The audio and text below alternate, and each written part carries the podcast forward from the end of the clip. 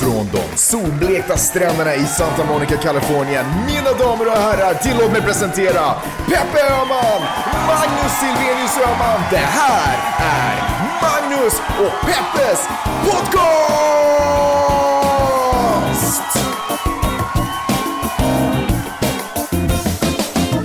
Hallå internet och hjärtligt välkomna till podcasten som heter Magnus och Peppes podcast. Denna magiska och fantastiska podcast som handlar om samhället vi lever i, eh, världen så som vi ser den. Vi läser artiklar, vi studerar om världen, eh, tänker till kring den och presenterar vårt, våra tankar i den här podcasten. Eh, rösten ni hör nu, den här maskulina, eh, väldigt eh, förföriska rösten tillhör mig. Eh, och jag heter Magnus Silvenius Öhman. Jag heter Peppe Öhman. Ja, punkt. Jag eh, jobbar vad är det? Nej, Varför ingenting. sitter du och himlar med ögonen? För du måste alltid presentera dig som förförisk och sexy. Är Den det- senaste bilden du la ut på Facebook handlar också om hur sexig du är. Nej, den senaste bilden jag la ut på, på Facebook handlar om att du ser ut som Tom Cruise. Sant i och för sig. Och med all Guilty respekt, då är det faktiskt mer att du är sexy. Faktiskt. Eller? För att Top Gun är en sexig film, tänker du?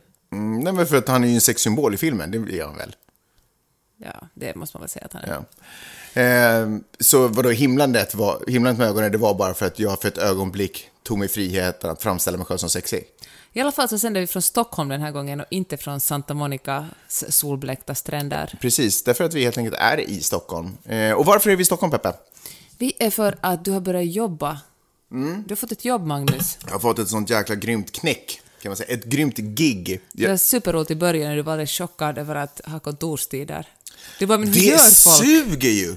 Det är ju vidrigt med kontorstider. Hur, kan man, hur, har jag, hur har jag kunnat och hur kan människor leva på det sättet? Gå, va, alltså, tvingas vara på ett plats På varje ett dag. plats? På ett plats, varje dag, vid ett och samma tillfälle. Och sen sitta och liksom vänta in en sluttid. Det är ju helt sjukt. Jag, jag tycker det är, det är psykiskt jobbigt för mig. Jag vill vakna upp med skön stämning, inspirerad, gå, spy ut alltihopa, några timmar senare bara dra. Men du vet att man får betalt för att gå på jobb. Nej, det är ju det som är fel. Man ska inte få betalt för att gå på jobb, man ska få betalt för att lösa en uppgift. Fast just nu är det så att du får betalt för att befinna dig på ett visst ställe. Och Det är ju helt barn. sjukt. Det är helt sjukt. Min uppgift är ju, jag kan berätta vad jag gör, eh, om du inte visste det. Jag är alltså redaktör på Nyhetsmorgon. Och i mitt fall så betyder det att jag, eh, jag ska, jag ansvarar för åtminstone en dag i veckan, en sändningsdag i veckan. Och då ska jag sätta innehållet för den dagen. Eller det vill säga, jag ska förbereda, eh, ja, jag ska sätta innehållet. Så redaktör i Sverige är inte riktigt samma sak som redaktör i Finland. Nej, alltså redaktör i Sverige är mer, kanske lite mer en ansvars, en, lite mer av en chefsposition. Ja, typ, ja men ish. Jag vill inte få det att låta konstigt. Men, men det, det som händer är att när jag har, när jag har en vision om vad, vad vi kommer göra den dagen, som nog inte ska vara luddig, utan den ska vara väldigt tydlig. Jag ska veta vilka ämnen, hur länge och vilka personer som kommer komma till studion och prata om det här, eller hur vi presenterar det här ämnet. Eh, så sen, dagen innan sändning så kommer det en grupp researchers till mitt förfogande som sen sätter sig ner och spikar alla de här detaljerna egentligen. Eh, och sen under sändningsdagen så ansvarar jag också då förstås att allting blev som jag ville. Att personer dyker upp som, som de ska. Eh, vad fan var det jag skulle... Och det var ju roligt alltså. det, alltså, det är ju sjukt Om man bortser från att du måste vara Jo där. men, jo, men det var det jag skulle säga. Och det är ju min uppgift. Alltså min uppgift till sändningsdagen, jag förstår sändningsdagen, för då har vi sändningstider vi måste hålla oss till. Då kan jag inte känna att det borde vara fria kontorstider. och jag vaknar när jag vill vakna. Men dagarna upp till... Okej, jag kan också se dagen innan då andra människor är beroende av min närvaro. Så att vi liksom bara synkroniserar det här så att vi råkar befinna oss på samma plats vid samma tillfälle. Men de andra dagarna så kan jag inte se att arbetstider skulle vara helt relevanta. Du får säga till på Nyhetsmorgon. Mm. Det är klart i och för sig, det är ju jättestora redaktioner, det är flera redaktioner som samarbetar, det är kanske, kanske är skönt för dem att veta när de ska vara på arbetet så att de kan komma i kontakt med mig. Och då är det ju bra om, om jag är... Om, jag- ja. Fast vet du, det där är olika. Jag träffade min kompis eh, Lena Fie här om kvällen och så sa jag det att hur chockad du var över att det finns något som heter kontorstider. Och sa hon att hon tycker det var det skönaste, att veta att en viss tid ska hon vara på jobbet och en, sen eh, när jobbet är slut går hon hem och behöver inte tänka så mycket på det mera. Men det där är ju det som är skillnaden, för det är det jag tycker är orättvist. För att när jag kommer hem så finns det en risk att jag ändå fortsätt, måste fortsätta tänka på det. Och då tycker jag att om det ändå kommer till det, till det skedet där jag liksom känner att det praktiska, som, alltså det jag behöver kontorsdatorn till, det arbetet har upphört. Jag har, upphört. Jag, har, jag har redan avslutat alla de grejerna. Och alla kontakter som jag behöver ha med andra människor egentligen är över. Nu behöver jag bara sitta ner och fundera ut Mm. någonting själv. Då tycker jag det är sugigt att jag måste sitta på ett kontor tills en klocka säger någonting. Alltså ärligt talat fattar jag, jag är inte någon fan av kontors, kontorstider heller. Jag är på din sida Magnus Mm. Men det är jättejobbigt, men då, då inser, alltså det är jättejobbigt när man precis kommer från ett väldigt slappt, eh, tidsslappt schema i alla fall. Alltså jag kan jobba när jag vill. Jag kan, jag får, ibland sitter jag på nätter för att jag tycker att jag vill göra det. Mm. Och ibland sitter jag på dagarna för att jag tycker att jag vill göra det. Till att tvingas vara på ett ställe. Det är Men svårt. kanske det är bra, det bygger karaktär. Framförallt är det ju så värt det, för det är ju så jäkla roligt. Alltså jag, det, jag, jag hade glömt bort hur magiskt det är att eh, vara i direktsändning. Nu får jag ju tyvärr inte vara framför kameran. Det är helt fine. För den där nerven finns eh, fortfarande där. Du måste mörda Peter Gide. Kanske, men, men också... Nej, gör inte. Nej, jag ska inte göra det. Nej, nej, nej, nej, det ska jag absolut inte göra, Peppe. När jag, när jag gjorde morgonradio på Radio Extrem, så då var vi ju, vi hade ju ganska, för vi ansvarade så otroligt mycket för sändningarna själva. Och vi var ju verkligen någonstans programledare slash redaktörer slash researchers. Eh, för att vi också någonstans lite ansvarade för att gästen också skulle komma och vi måste lösa situationen om gästen inte kom. Så satt vi i sändning och samtidigt löste den situationen. Eh, så det är ju det är så jävla roligt att ha den där eh, kontrollkänslan när vad som helst kan hända. Men är inte en motsatsen till en kontrollkänsla? Att vad som helst kan Nej, det hända? är en kontrollkänsla. För det, jag tycker kontrollkänslan är just det här att någonting skiter sig i och jag styr upp det. Det är ju där kontrollen sitter i. Njuter till och med av det är någonting ingen som kontroll. händer. Ja, absolut. För det är då man får göra sitt jobb. Det, det finns ju inget... Det bästa är ju naturligtvis om man är superförberedd, men det resulterar ju också i att sändningen, det kommer ju inte hända någonting. Jag kommer ju bara sitta och titta på min egen skapelse så att säga. Men när någonting är sådär, och nej, nu får vi inte upp, eh, nu är inte den personen med per telefon, och nej, nu är inte den personen med på Skype, eller nej, nu är den personens taxi försenad. Det är då man måste, okej, hur gör vi om det? Hur gör man då? Eh, man eh, går tillbaka till de som står och lagar mat i köket och kollar hur det går där. Så det är därför det alltid har en kock med i sändningen. Det är, en bra, det är en bra grej att safea upp med faktiskt. Det finns alltid någonting som händer som man kan återkomma till. Nu har de ju säkert haft bråda dagar idag eftersom det har varit Brexit och det avgjordes ju nu, på, eller det fick man ju, den informationen fick man ju nu på morgonen. Så de har ju haft noll chans att förbereda allt det. Så allt, så hon som har... Men tror du inte de har förberett liksom både en grej för ifall eh, de stannar och en grej ifall de Ja, men de har väl tittat på möjligheter. De har tagit in gäster som kan kommentera båda, båda hållen, men de måste ju fortfarande förhålla sig till eh, direktsändningar som uppstår och, och, och liksom, det är ju en helt annan nyhetsgrej, det är ju stort liksom.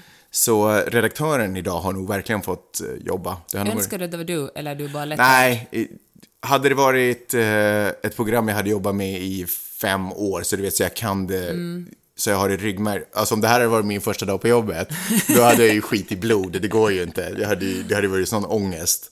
Det hade varit, alltså det hade, usch, det hade varit så fruktansvärt. De hade ju aldrig släppt mig på det, men men, eh, ja, nej, men det är roligt. Det är så, så himla roligt. Och jag är så glad att jag får göra det. Sådär ja, ska vi tala om mig nu? Mm, berätta, vad har du gjort då? Du har varit i Finland. Jag var i Finland den här veckan. Och det var så konstigt, för första kvällen jag kom till Finland så lånade jag en cykel på hotellet och så cyklade jag iväg och träffade min kompis Karin och så åkte vi på en fest. Och när vi cyklade tillbaka var allt precis som förut. Det kändes som jag bara hade liksom hittat Vaknat upp i en dröm. på LA. Ja, som LA aldrig existerade, som jag bara bodde på Styrmansgatan i Helsingfors och hade varit på... Och var singel. Och, och var utan barn. singel, därför hånglade jag upp några killar på vägen hem och... Nej, Magnus, ingen vill hångla med en gravid kvinna, det vet väl alla. Är det så? Jag vet, det finns säkert någon som har en fetisch för gravida kvinnor. Mm. Ja, det kan jag inte svara på. Är det sexigare för, vad är sexigast? En gravid kvinna eller mannen till den gravida kvinnan? Ja, vad tror du, Magnus? Mannen till den gravida kvinnan Är eller? inte, är inte så klassiskt att när kvinnor är gravida så då blir männen, får männen panik och är otrogna? Nej, men, ja fast det är ju en annan sak. Jag menar ut, okej, men då, det kommer ju inifrån. Men jag menar utifrån, liksom. Men ingen kan väl tycka att en gravid kvinna är sexy? Men Uppenbarligen för tidigt, jag vet inte, finns det inte någon biolog? Uppenbarligen för... Är man inte för sent? men det finns Har inte tåget gått än liksom? Nej, men finns det inte, finns det inte, finns det inte någon biologisk attraktion i att kvinnor kan bli gravida. Bara själva faktumet. Ja, nej men jag tänker att det finns något så här djupt, jag, jag vet inte, jag, jag, jag är ute här på tunn is som vanligt och, och ser mig Jag vet, omkring. det, jag vet det. Jag, kan- jag, själv skulle jag känna att det är liksom en kvinna som verkligen inte är tillgänglig. Och så tänker jag också så här, och att, att det finns någon så här biologisk grej, åh vad maskulin han är som har lyckats göra en kvinna gravid. Nej, det kan jag tänka mig. Jag kan se båda situationer. Ja, men skitsamma. Ja, förlåt. Fall. Så cyklar vi hem och- Kände du mycket blickar där när du cyklade? Uh, det är så tomt på gatorna där. Ja, ja. Jag träffade Jenny som skriver Popolandia-bloggen. Det är ju det gulliga med Helsingfors, att man kan knappt röra sig ett kvarter innan man ser någon man känner. Det, det är en av de människor som liksom. jag känner, det är konstigt för att jag har ju träffat henne kanske en gång. Ja. Och enda anledningen till att jag överhuvudtaget vet vem hon är, är för att hon för många, många år sedan när jag hade en blogg på liksom knagglig finska, hade lyft upp den på sin Ja. blogg. Och hon hade, hon hade ju superstor blogg, eller kanske har det fortfarande. Och så fick jag jättemycket följare eh, på grund av det. Så på grund av det så känns det som att vi har en jättenära relation hon och jag. Men vi pratar ju inte samma språk. Vi, har liksom, vi gjorde ett knaggligt försök att kommunicera på en blogggala för jätte, jättelänge sedan. Men det är konstigt, men någonstans så känner jag ändå sådär att vi står varandra nära. Ja, jag jag, tänkte att du skulle bli glad när jag namedroppade Ja. henne. Och så cyklade jag förbi riksdagen. Du vet, hon har ni- betytt mycket för mig i mitt liv på något sätt. Jag cyklade förbi den där, den där eh, lilla uteserveringen som ligger utanför riksdagen och där spelar Claes Andersson jazz som han brukar. Och då kände jag verkligen, fan, alltså Helsingfors, ingenting har hänt. Jag har bara fantiserat. Är Helsingfors ett museum i ditt liv? Liksom? Är det monter i ditt liv? Det är faktiskt en monter där ingen flyttar på liksom, Nej. Flyttar på de här gubbarna och gummorna. Men är inte Stockholm lite det också? Fast du kanske inte har, du kanske inte, eller jag vet inte. Nej, jag har ju varit otro, otroligt mycket i Stockholm. Alltså jag har varit jättemycket i Stockholm. jag har ju aldrig liksom bott här. Jag har kanske bott kortare perioder, men det är inte på samma sätt är det inte liksom en monter i mitt liv. Vet du vad? Det kan jag säga. Jag, Stockholm är inte en monter i mitt liv heller. Men vet du vad det beror på? Det beror på att där borta i Los Angeles så har vi lärt känna eh, så mycket alltså, grymma människor som har öppnat upp ett nytt Stockholm för mig. Så att Stockholm har på något sätt förändrats mer, eller utvecklats mer för mig under min tid i Los Angeles än vad det gjorde i Helsingfors. För när jag åkte från Helsingfors till Stockholm, då var Stockholm ganska mycket monter. Jag kommer ihåg att du fick alltid en, en din Stockholmspersonlighet när du steg av Jag klev in i montern, liksom, på något sätt. Så började du lajva liksom Stockholm. Hur, är, hur, hur var jag då? Hur, är, hur, hur var min version av Du, stockholmare? var lite, du talade lite bredare stockholmska, du var lite kaxigare. Var jag såhär, så- tjena, tjena? Nej. Usch. Usch! Hur var jag då? Eh, Och så var det sådär... eh, Sluta puffa lite- i du, mikrofonen. Du gick liksom på ett tuffare sätt, slängde lite mer med armarna och uh, vickade lite mer på rumpan. Va- var jag coolare? Du, ja, åtminstone försökte du verka coolare. Tyckte du att jag var coolare? Ja, jag blev nykär i det på den tiden. Och så, så skulle det du fortfarande faktiskt småprata med alla, alla som satt i kassan när du köpte någonting och på alla restauranger. Det är Men ju sån är jag, så jag är faktiskt i USA också. Så det är kanske din finska personlighet som var lite mer tillbakadragen. För det, Jag måste, det kunde jag ju inte göra i Finland. Dels så ville ju ingen, och dels så kunde jag ju inte finska liksom. Nej. I alla fall, på sv- svar på din fråga vad jag egentligen gjorde i Finland. Ja, just det. Jag undrar Tack om de hamnade för på mig visat igen. intresse. var eh, att jag, jag deltog i en frågesport, alltså den eh, finlandssvenska versionen av På spåret, skulle man Okej, kunna kalla vad heter det. den? På resande not. Okej. Och jag måste säga att Så det var liksom, det är musik eh, ja, på spåret på något sätt? Och när de frågade mig om jag ville vara med sa jag jag har liksom aldrig kollat på Eurovisionen. Och det här säger jag inte för att kokettera, jag har bara aldrig kollat på den. Det har liksom aldrig intresserat mig. Jag kollade när Lordi vann Mhm. 2005 ungefär, och när Carola vann i början på 80-talet. Det är Mm. liksom min, det är mina referenser till, till uh, Eurovisionen. Och det var de sådär, nej, det kommer inte, det handlar mest om Europa, det är inte så mycket musikfrågor. Det var bara musikfrågor får, eller? man får liksom inte spoila, de är jättestränga med att man inte får spoila vad som frågades i... eh, Men eh, om vi säger så här... Vad, skulle kunna hända om du spoilar en fråga? Folk bara, nej, då är det inte värt att titta på det. Nej, men jag skrev- sändningstiden? Fem minuter eller? Nej, men jag skrev picky lite på min blogg och de var inte, de bara kunde ta bort det där. Åh nej. Ja. Ja. I alla fall, så jag var med på det. och, och eh, så fick jag vara med på en... eh, Faktiskt det roligaste jag gjorde på hela veckan var att vara med i ett eh, i Kias program, Kias Fetihins program Böcker i Berson, Mhm. som vi, och Annie Hietanen gör också det. Och vi skulle tala Ska inte, om... du som har blivit så lite Stockholm, ska inte du säga böcker i Berson? Berson. Och eh, Så vi ska tala om bladvändarböcker eller skräplitteratur, så vi bandar in i en timme ungefär. Superroligt! Alltså radio är ju, det, radio är ju så extremt roligt. Det är faktiskt roligt. Det, är faktiskt, det var den roligaste timmen. I ditt den- liv. I mitt liv, kanske. Och eh, det var ju roligt att vara med i TV också, men det är så det är stressigare TV. På något sätt. Då måste man se något smart och se bra ut. Då måste man liksom hålla två tankar i huvudet samtidigt. Mm. Nu förstår man ju hur proffsig Paris Hilton är. Exakt! Och jag skojar inte ens när jag säger det. Nej. Men det som också är spännande att åka tillbaka till Helsingfors är att... eh, hur ska jag säga det här utan att låta dryg? Alltså det finns en, en... Helsingfors är viktigare för de som bor i Helsingfors än för de som inte bor i Helsingfors. Eh, Men är inte det gemensamt för alla städer vet, och platser och på jorden? Mm. alla liksom, samhällen. Eller alla, ja, vare sig det är liksom fysiskt samhälle, andra bara, men Men vad menar du? När du säger att du inte låter dryg så känns det som att det finns en negat någon negativ vinkel på det här. Vad menar du? Vad är det negativa i det alltså? För jag kände, jag kände mig dryg, för jag kände mig så här att jag bryr mig inte så jättemycket. Till exempel när jag var med i det här, den här frågesporten, så var flera stycken ur den här eh, organisationen, det var liksom en jätte, allt var jättebra organiserat, folk var supertrevliga, proffsiga och roliga. Men jag vet inte hur många gånger folk påpekat åt mig att det här är stort. Det är liksom, eh, nu kommer du att få många läsare till din blogg och fan, folk kommer att känna igen dig på gatan. Och jag var sådär, mm, ah, ja, ja det, kanske det inte är så stort Men ändå. det där hände faktiskt mig på, eh, på jobbet här nu också i Stockholm. Bara för, som ett litet försvar att det inte, det är inte bara i Helsingfors. Jag eh, hade precis avslutat min första typ egna sändning. Eh, Jag hade fortfarande en, en, redaktör, en, van, en van redaktör som gick bredvid mig och bara övervakade att jag inte skulle fucka upp deras få Tourettes och skriva 'fuck you' på i prompten. så Peter Jihde bara, och nu till fuck you-vädret. Det var konstigt. Eh, Vilket i och för sig skulle beskriva midsommarvädret ganska bra. det är i och för sig sant. Eh, men i alla fall. Eh, så sändningen var klar och så har vi då förstås, eh, vi ser ju vad som går ut. Och så kom slutkrediten och så stod eh, liksom mitt namn under kredit då för redaktör. Och så var han så här, åh men shit, kolla, vill du inte ta bild på det här? Eller, så, eller när han sa typ något så här, åh shit, kolla, nu står, ditt, eh, nu står ditt namn där. Jag bara, "Eh, vadå, vadå? Så bara, ja, här. Så bara ser jag att det var kreditskylten. Ja. Så jag bara, ah, kul. Han bara, jaha, men jag trodde, vadå, vill du inte, jag tänkte ifall du typ, ja, jag vet inte, ville ta bild eller någonting, du vet. Och, och det är ju stort, alltså det är ju superstort att jag har det här jobbet, för mig i alla fall. Jag tycker det är skitroligt. Men, men jag märkte också hur, hur stort han tyckte det var att han också jobbade där efter, efter många år. Och det är ju på något sätt ett bevis då på att vad vi än är och vilken värld vi än lever i så är det stort för oss. Förstår du vad jag menar? Och det är klart att om, du, om de har ett eh, på resande not eller vad den hette, så är det ju naturligtvis jättestort för dem. Och då tänker ju de naturligtvis, då är utgångspunkten att åh, det här är ju superstort att vi gör det här. Och vad kul för dig att du får vara med i det här programmet. Fast jag tycker att man ska kanske inte lägga fram det så.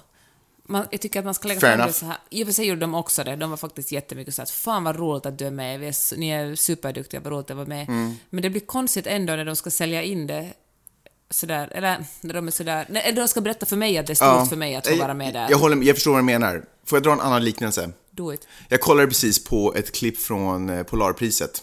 Eh, Det stora musikpriset som hölls här i Stockholm där Max Martin fick, eller vad fan han nu heter egentligen. Jag har faktiskt gått i, han gick ett år över mig i gymnasiet. Just saying. Martin, som vi brukar kalla varandra, konstigt nog. Vi har inte träffat så mycket i LA med tanke på att ni är så nära vänner. Anyways, så uh, vi går vidare. Nej men okej, så det här pri- stora priset hölls och det som... Så här hade det kunnat gå till, till exempel när, eh, när kungen gav över priset till, eh, till Max Martin. Är, här är priset, gud vad kul för dig, det här kommer hjälpa dig jättemycket med karriären.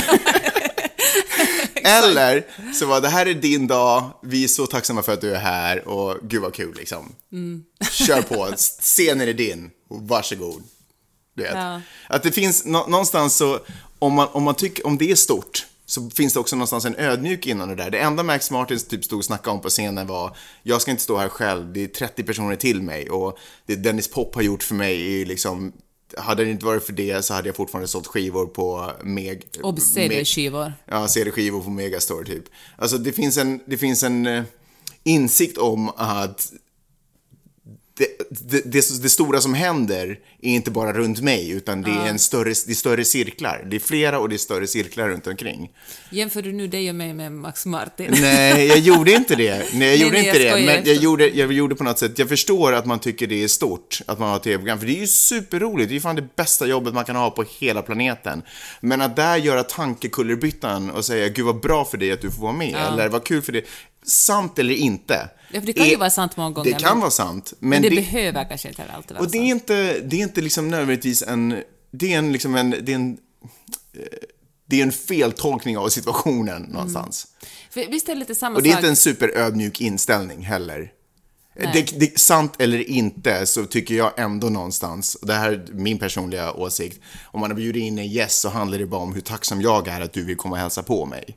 Ja. Det, det, jag kan inte se det på något annat sätt. Men jag menar inte att dissa någon, men nej, bara... men ännu till den här liksom, produktionens försvar var de faktiskt jättemycket Mm. fan vad roligt ni hade.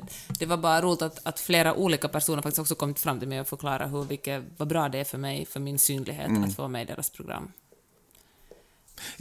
Det finns en annan grej med det där. Och det där är ett sätt som vi journalister ganska ofta gör när vi är desperata. Och speciellt när, vi, när jag jobbade på... Alltså, ju mindre...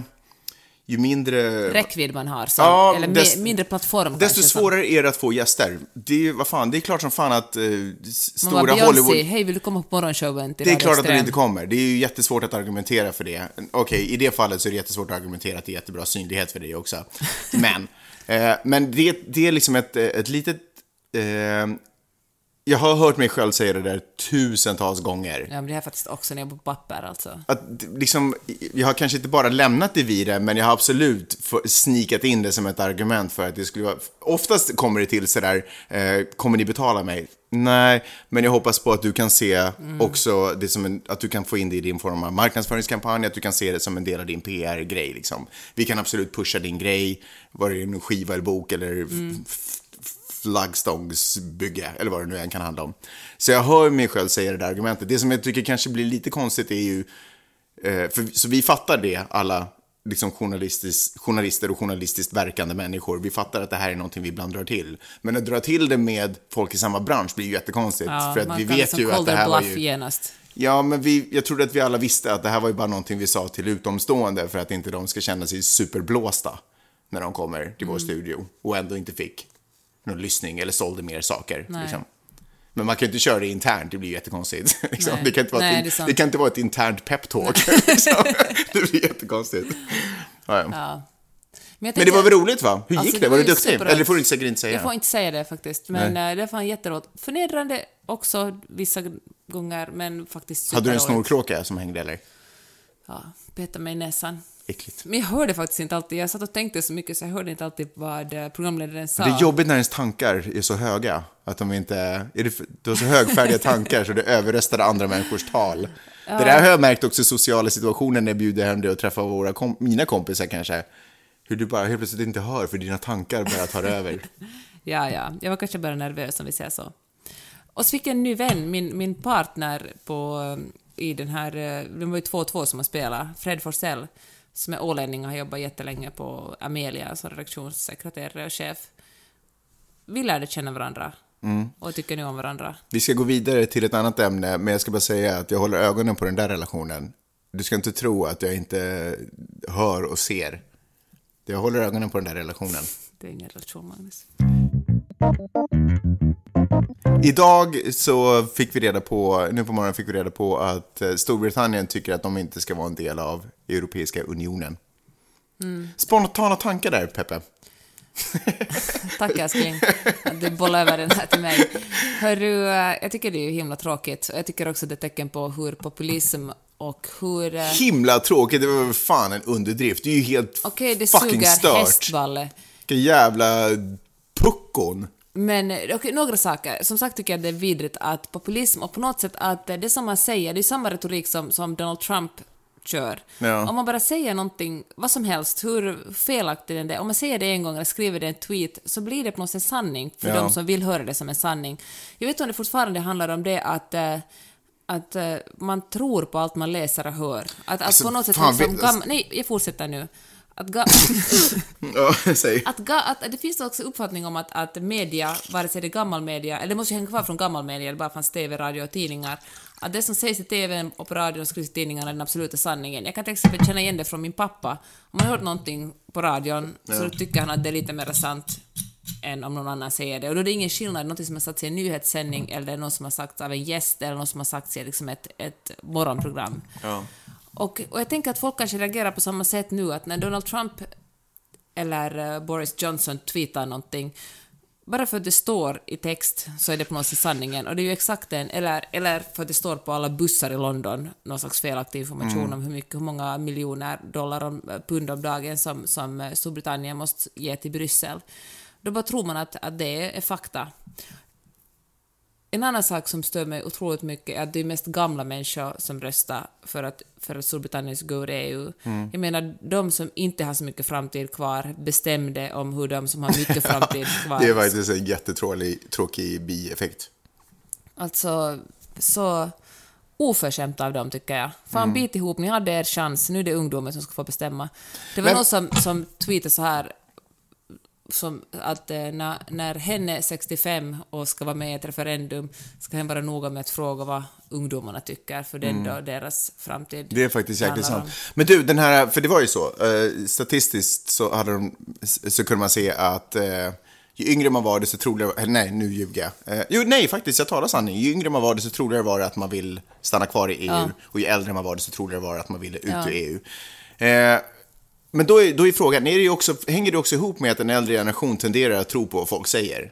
Att de är inte vana vid Jag tror det. det här... Ja, precis det, att de- Alltså yngre har en mer känsla för att det finns otroligt mycket bullshit-information som kommer genom alla sociala... Större källkritik Ja. på internet. Ja, och, och är det så att för en äldre generation har media som Facebook och alltihopa blivit det här liksom radio, att det finns ett Ja, radio, de har ett radiotänk kring det. Så att om det står på Facebook så blir det på något sätt sanning. Sanning, eller, ja. eller att om någon avpixlad tidning, man bara hittar på en, man kallar det för ett, ett, eh, nyhetsbrev eller... Eller ett alternativt ja, nyhetsbrev. Exakt, eller man behöver inte säga alternativt. Det är ju egentligen vad de... Ah, skitsamma. Men man kan kalla det för ett nyhetsbrev. Mm. Vem som helst kan ju ha ett nyhetsbrev. Så har man ordet nyhet med, alltså sanning, det jag säger. Ja, ja, Att de äldre jag. bara inte förstår.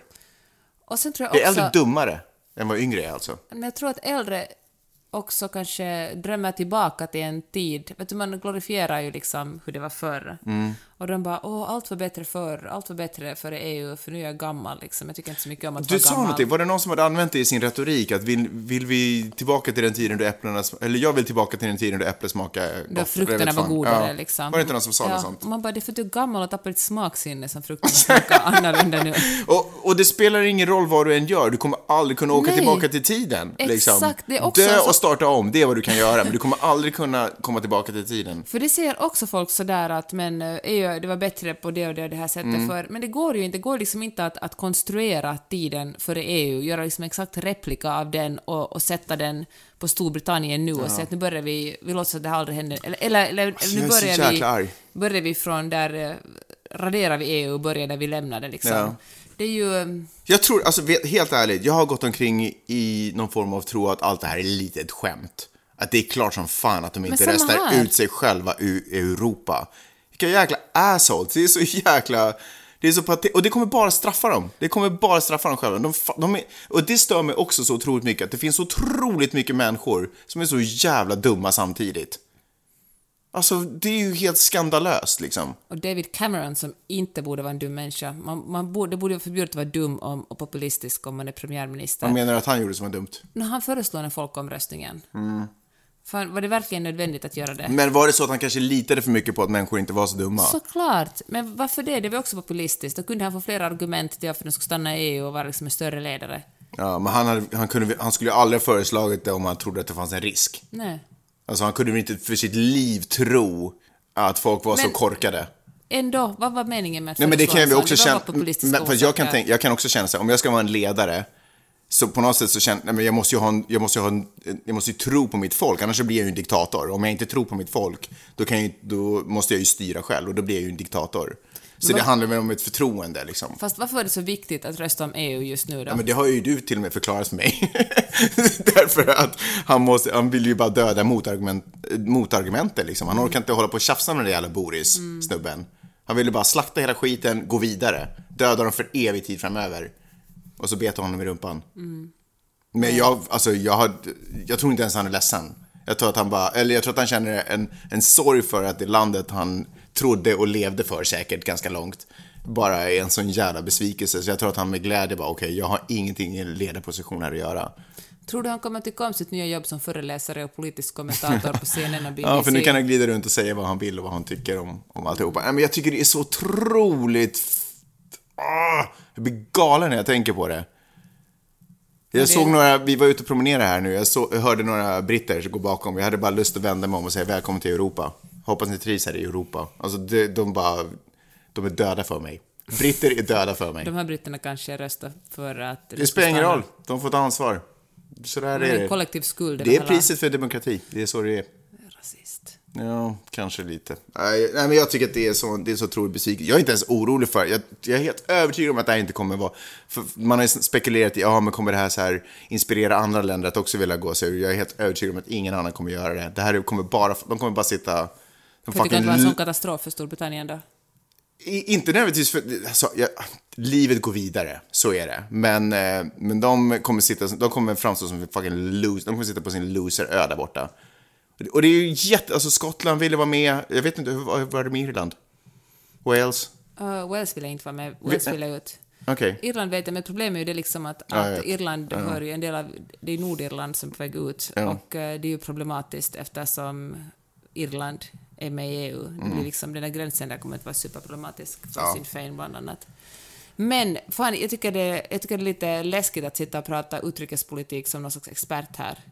Nej, men jag pratar utifrån vad jag tycker och känner. Jag tycker att det är en loser-grej att ge, kliva utifrån en, en, ett samarbete, en gemenskap liksom. Det är ju helt, och då ska det tilläggas att när EU stod på tapeten i Sverige, när vi, inte EMU utan EU, om vi skulle gå med eller inte, så var jag faktiskt på Jag tyckte inte att vi skulle gå in i, i EU. För jag, jag hade... Jag tänkte, jag var ju, för det första var jag jävligt ung, fair enough. Men jag, jag tänkte att det här kommer vara helt förödande för den små... Jag, såg det hela som en handelsavtalsgrej och jag tänkte att det är de Men det är det ju också delvis. Jo, jag vet. Och de stora företagen kommer bli rikare och de kommer bli större och det kommer vara jättemycket svårare för små företagare att komma fram.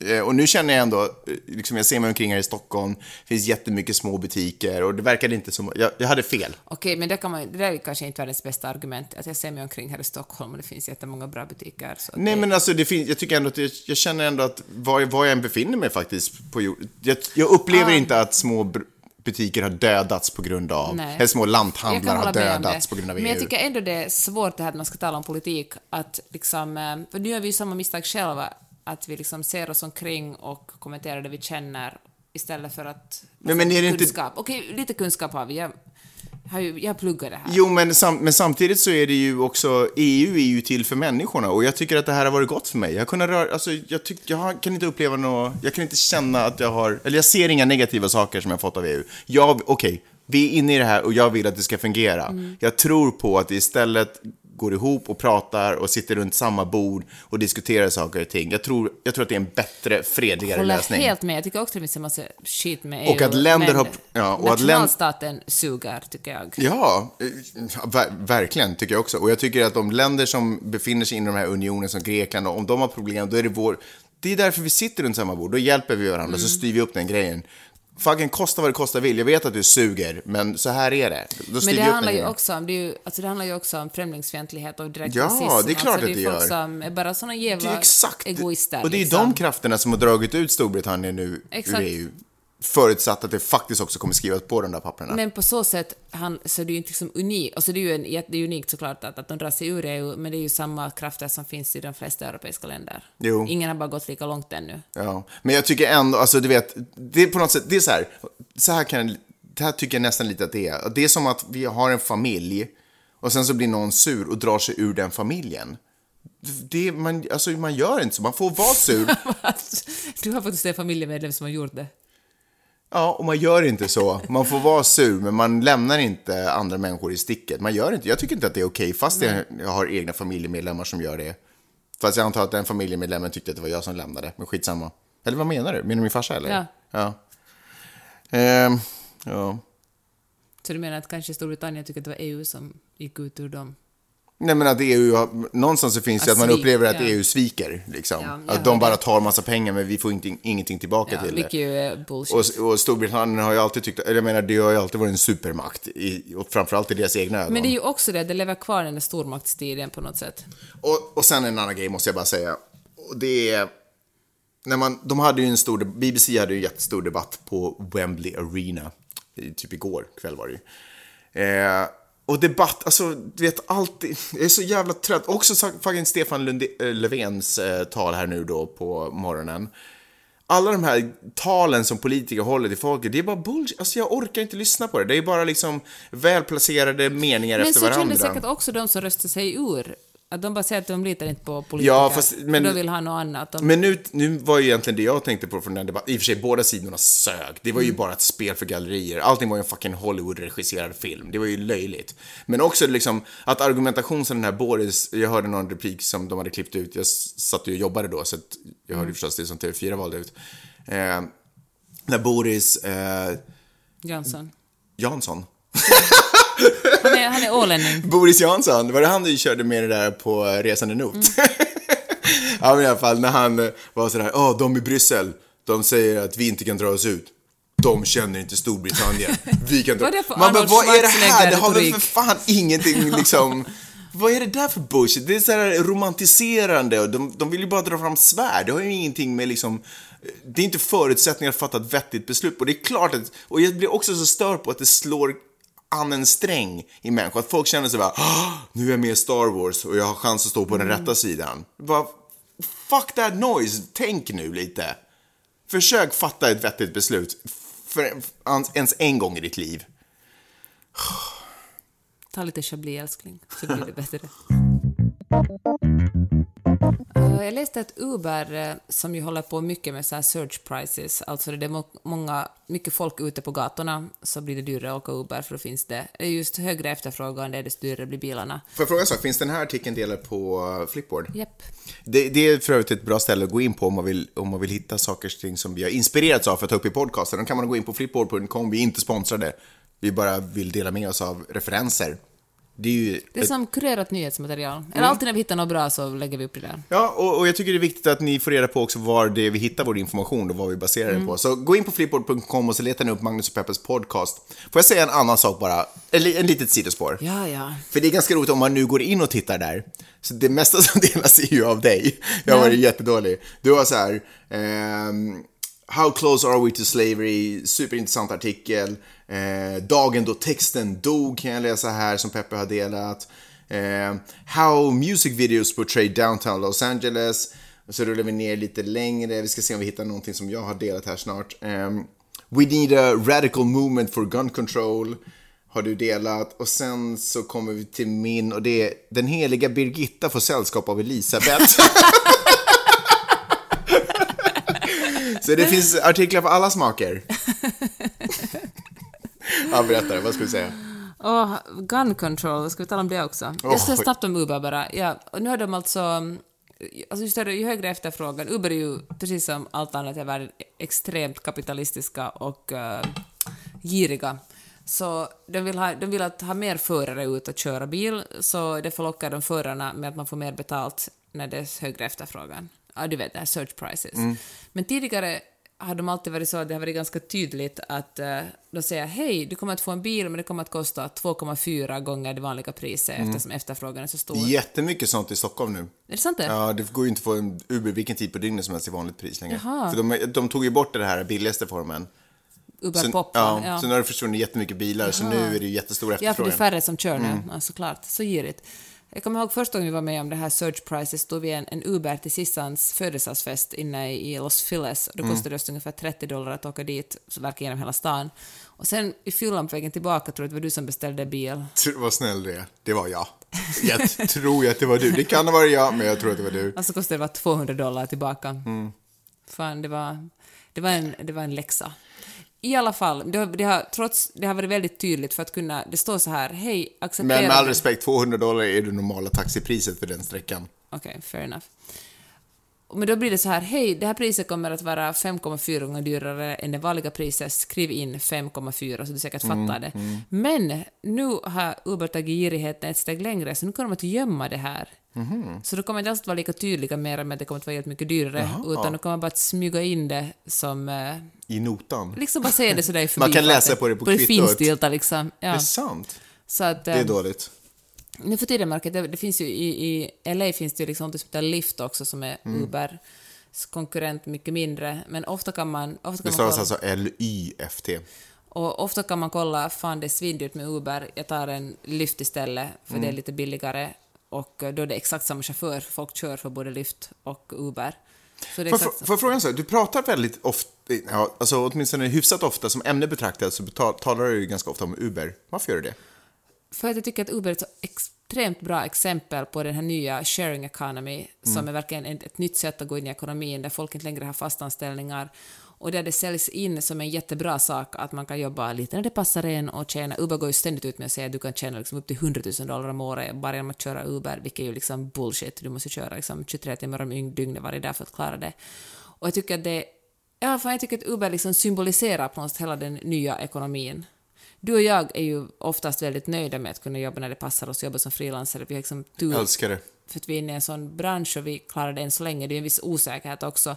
Men det finns en massa människor som tvingas in i den här branschen som mycket, mycket hellre skulle ha en fast tjänst men som eh, på något sätt blir lurade eller helt enkelt tvingade in i den här sharing economy-systemet. Får jag säga en, en erfarenhet som jag har dragit? Eh, att gå in i en fast anställning är egentligen ganska ofta ett sätt att lura, bli lurad. faktiskt. För det, det kommer med löften om trygghet, och, eller snarare det kommer med drömmar om trygghet och visioner om trygghet.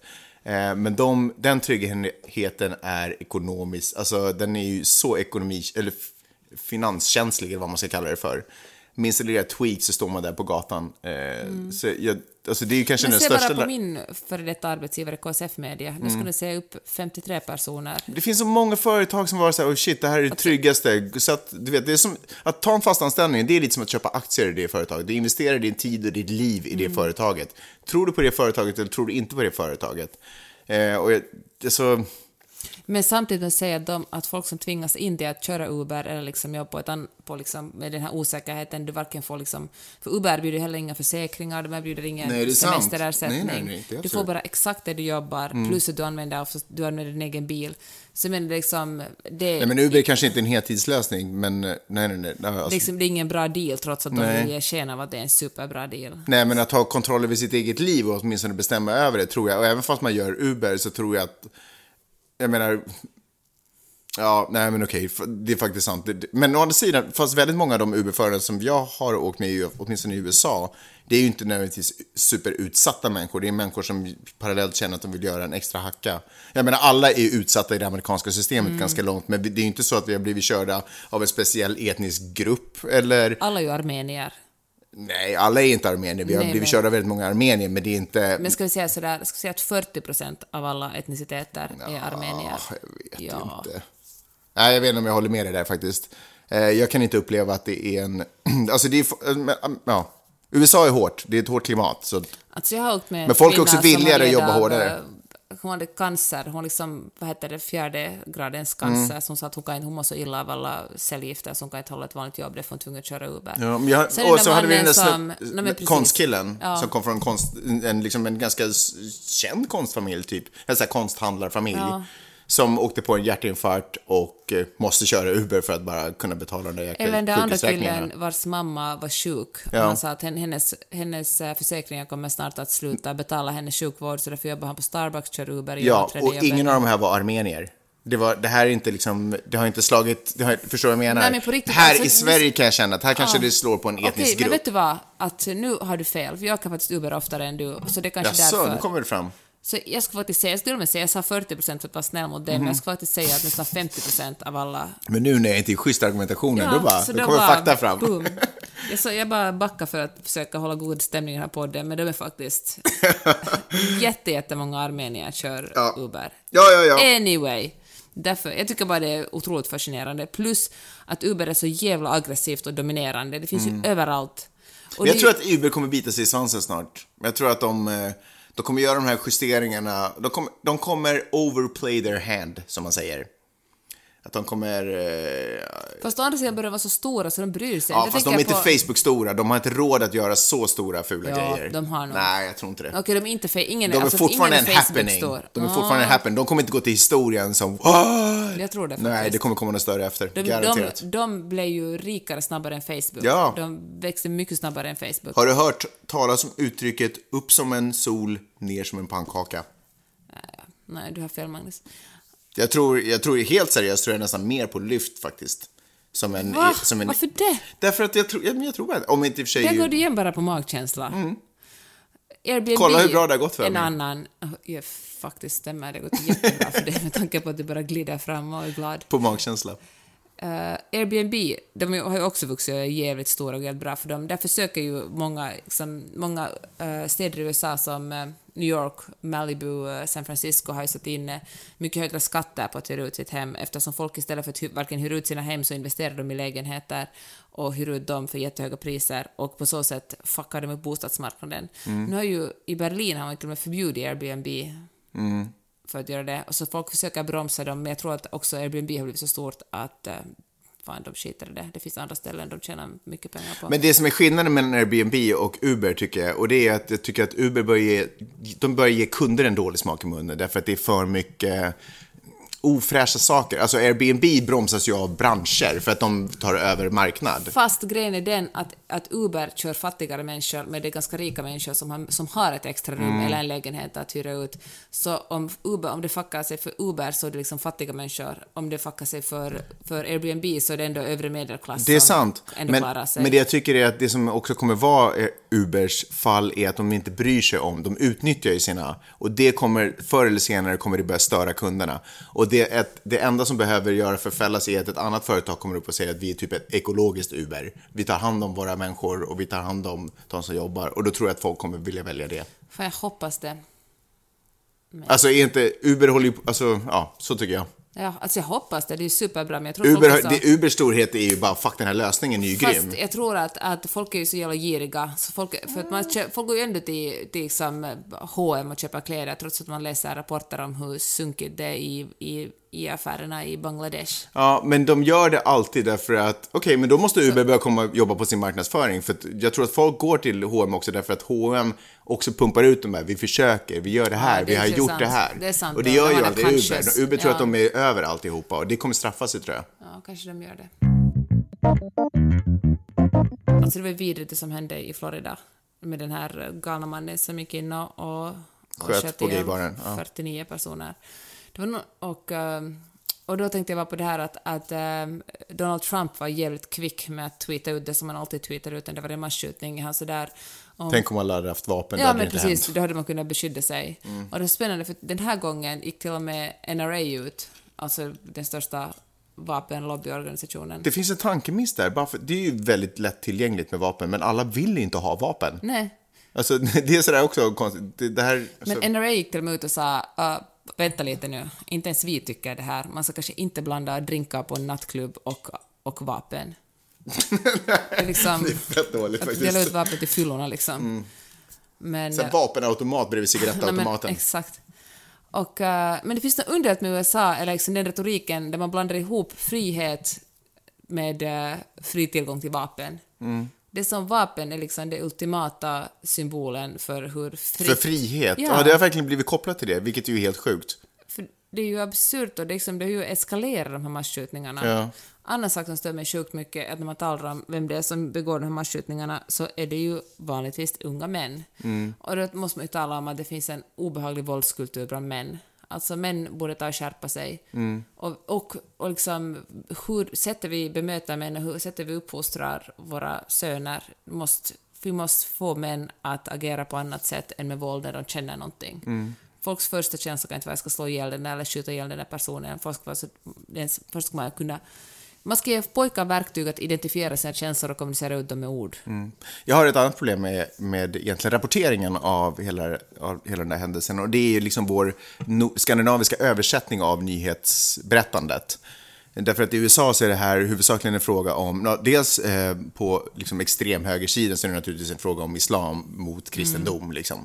Men rent eh, politiskt och samhällsutvecklingsmässigt så är det ju en fråga om vapenlagar. Det är Mm. frågan om tillgång till vapen. För nu är det ytterligare en människa som har glidit in med ett hel eller halvautomatiskt vapen och mejat ner folk. Det är inte mosköter eller knivar eller... Det, det handlar inte om människors vilja att döda andra människor utan det handlar om människors förmåga, eller kapacitet, eh, möjlighet att döda folk med automatiska vapen, meja ner folk.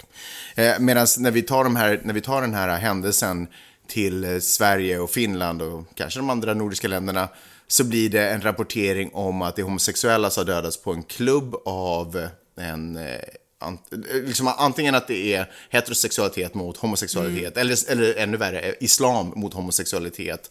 Och att det naturligtvis eftersom eh, den här Plus då var latinon nästan alla, tycker jag. Ja, fine. Men, ja, men det är för att det är en latinoplats på jorden, ganska långt.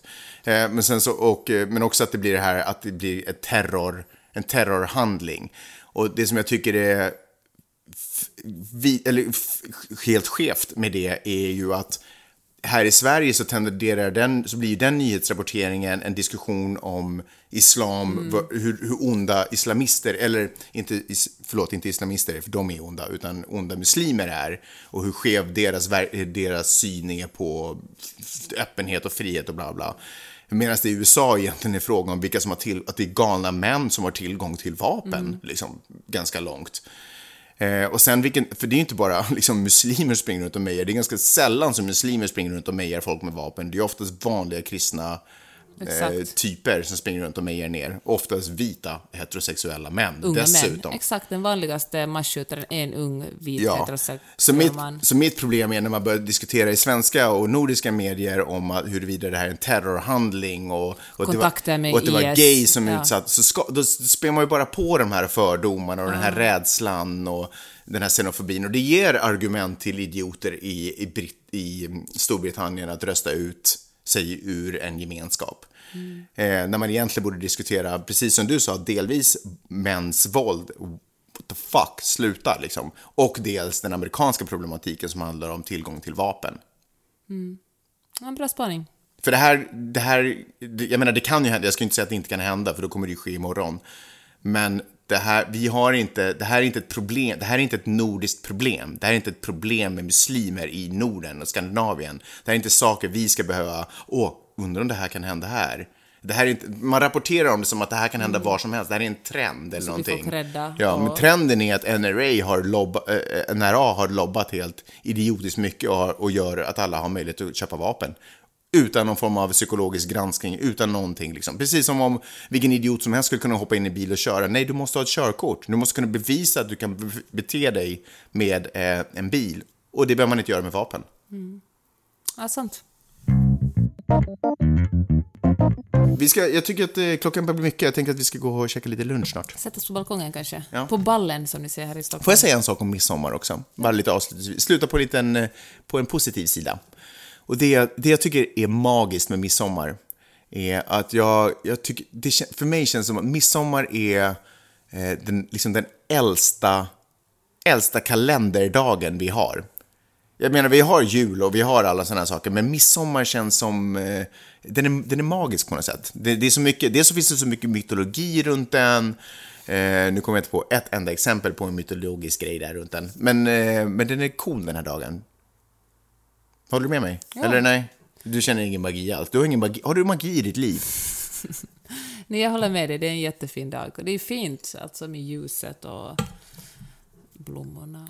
Ah, Du snackar bara skit. Jag tycker i alla fall att den är supercool den här dagen. Synd bara att alla vill dra från stan och vill vara på... Jag tycker det är bra, jag tycker det finns faktiskt något magiskt i stan. Att stan Man har dör. hela stan för sig själv. Ja. Kommer du ihåg första året vi träffades? Då firade vi midsommar tillsammans i stan. Och då kommer jag ihåg att det var mitt i natten och så cyklade jag iväg för att köpa glass till någon slags eh, 24 timmar om dygnet öppen kiosk. Och det är så underbart att cykla genom helt tomma men ljusa nattgator. Kändes som jag ägde stan. eh, vidare i mitt eh, lilla filosoferande kring stan. Nej, låt oss tala mer om dig. Ja, eh, och det är ju att ett tecken på att den är så otroligt magisk här, det- och det, är på något sätt, det känns som att, jag vet inte, det hänger ju ihop med, vad heter det, solståndet, kan man säga så? Heter det det? Usch, Magnus. Så, nej, men alltså att solen är som högst upp. Eh, Det är inte exakt den här dagen, nu har vi bara kommit överens om att det ska vara just den här fredagen. Det är väl den 21 kanske? 22 i år faktiskt. Jag har, alltså, jag har inte kollat upp det. Jag har inte kollat upp det. Sen här inte vet jag. Jag har en inre kalender. Men det hänger ihop med att solen står som högst upp naturligtvis. Och Jag kollar Instagram när du pratar. Nej men sant det. Ja, och det jag tycker är coolt är att den är så, den har varit, blivit så viktig i vår, i, i, någonstans i mänsklighet under, under Sommarsolstånd. Mm. Den har blivit så viktig för oss, den här, att uppmärksamma den här dagen. Eh, så att oavsett vilken religion eller kultur som har svept in över landet och um, antingen med våld eller med evolution försökt eh, forma folket så har, så har dagen alltid bestått. Den har fått heta olika saker, vi har kunnat förklara den som att ja, men vi firar här därför att det är små, små. Men den har alltid bestått. Det tycker jag är ganska coolt. Och sen uppfanns, Inkan! sen uppfanns Twitter och så kommer det alltid någon som stor humorist som är ja, nu är det bara så så många dagar kvar till julafton. Ja. The haters cause they're anus, har jag att säga. Hörru, eh, kul att vara tillbaka i podden. Detsamma. Ska vi höra som, eh, ska vi höra som imorgon kanske? Ska vi, Ska vi se? ses på balkongen? vi ses på balkongen. Tack för att ni har lyssnat den här veckan och ha, Ha en, fin! ha en magisk midsommar. Midsommar är magisk och hoppas den blir magisk för er. Men det kommer, det, och det, det kommer ske magi, men ni kommer inte märka det för ni kommer vara så jäkla packade. Så att magin är lite bortkastad på de flesta av oss. Sluta prata nu. Hej då! Hej då!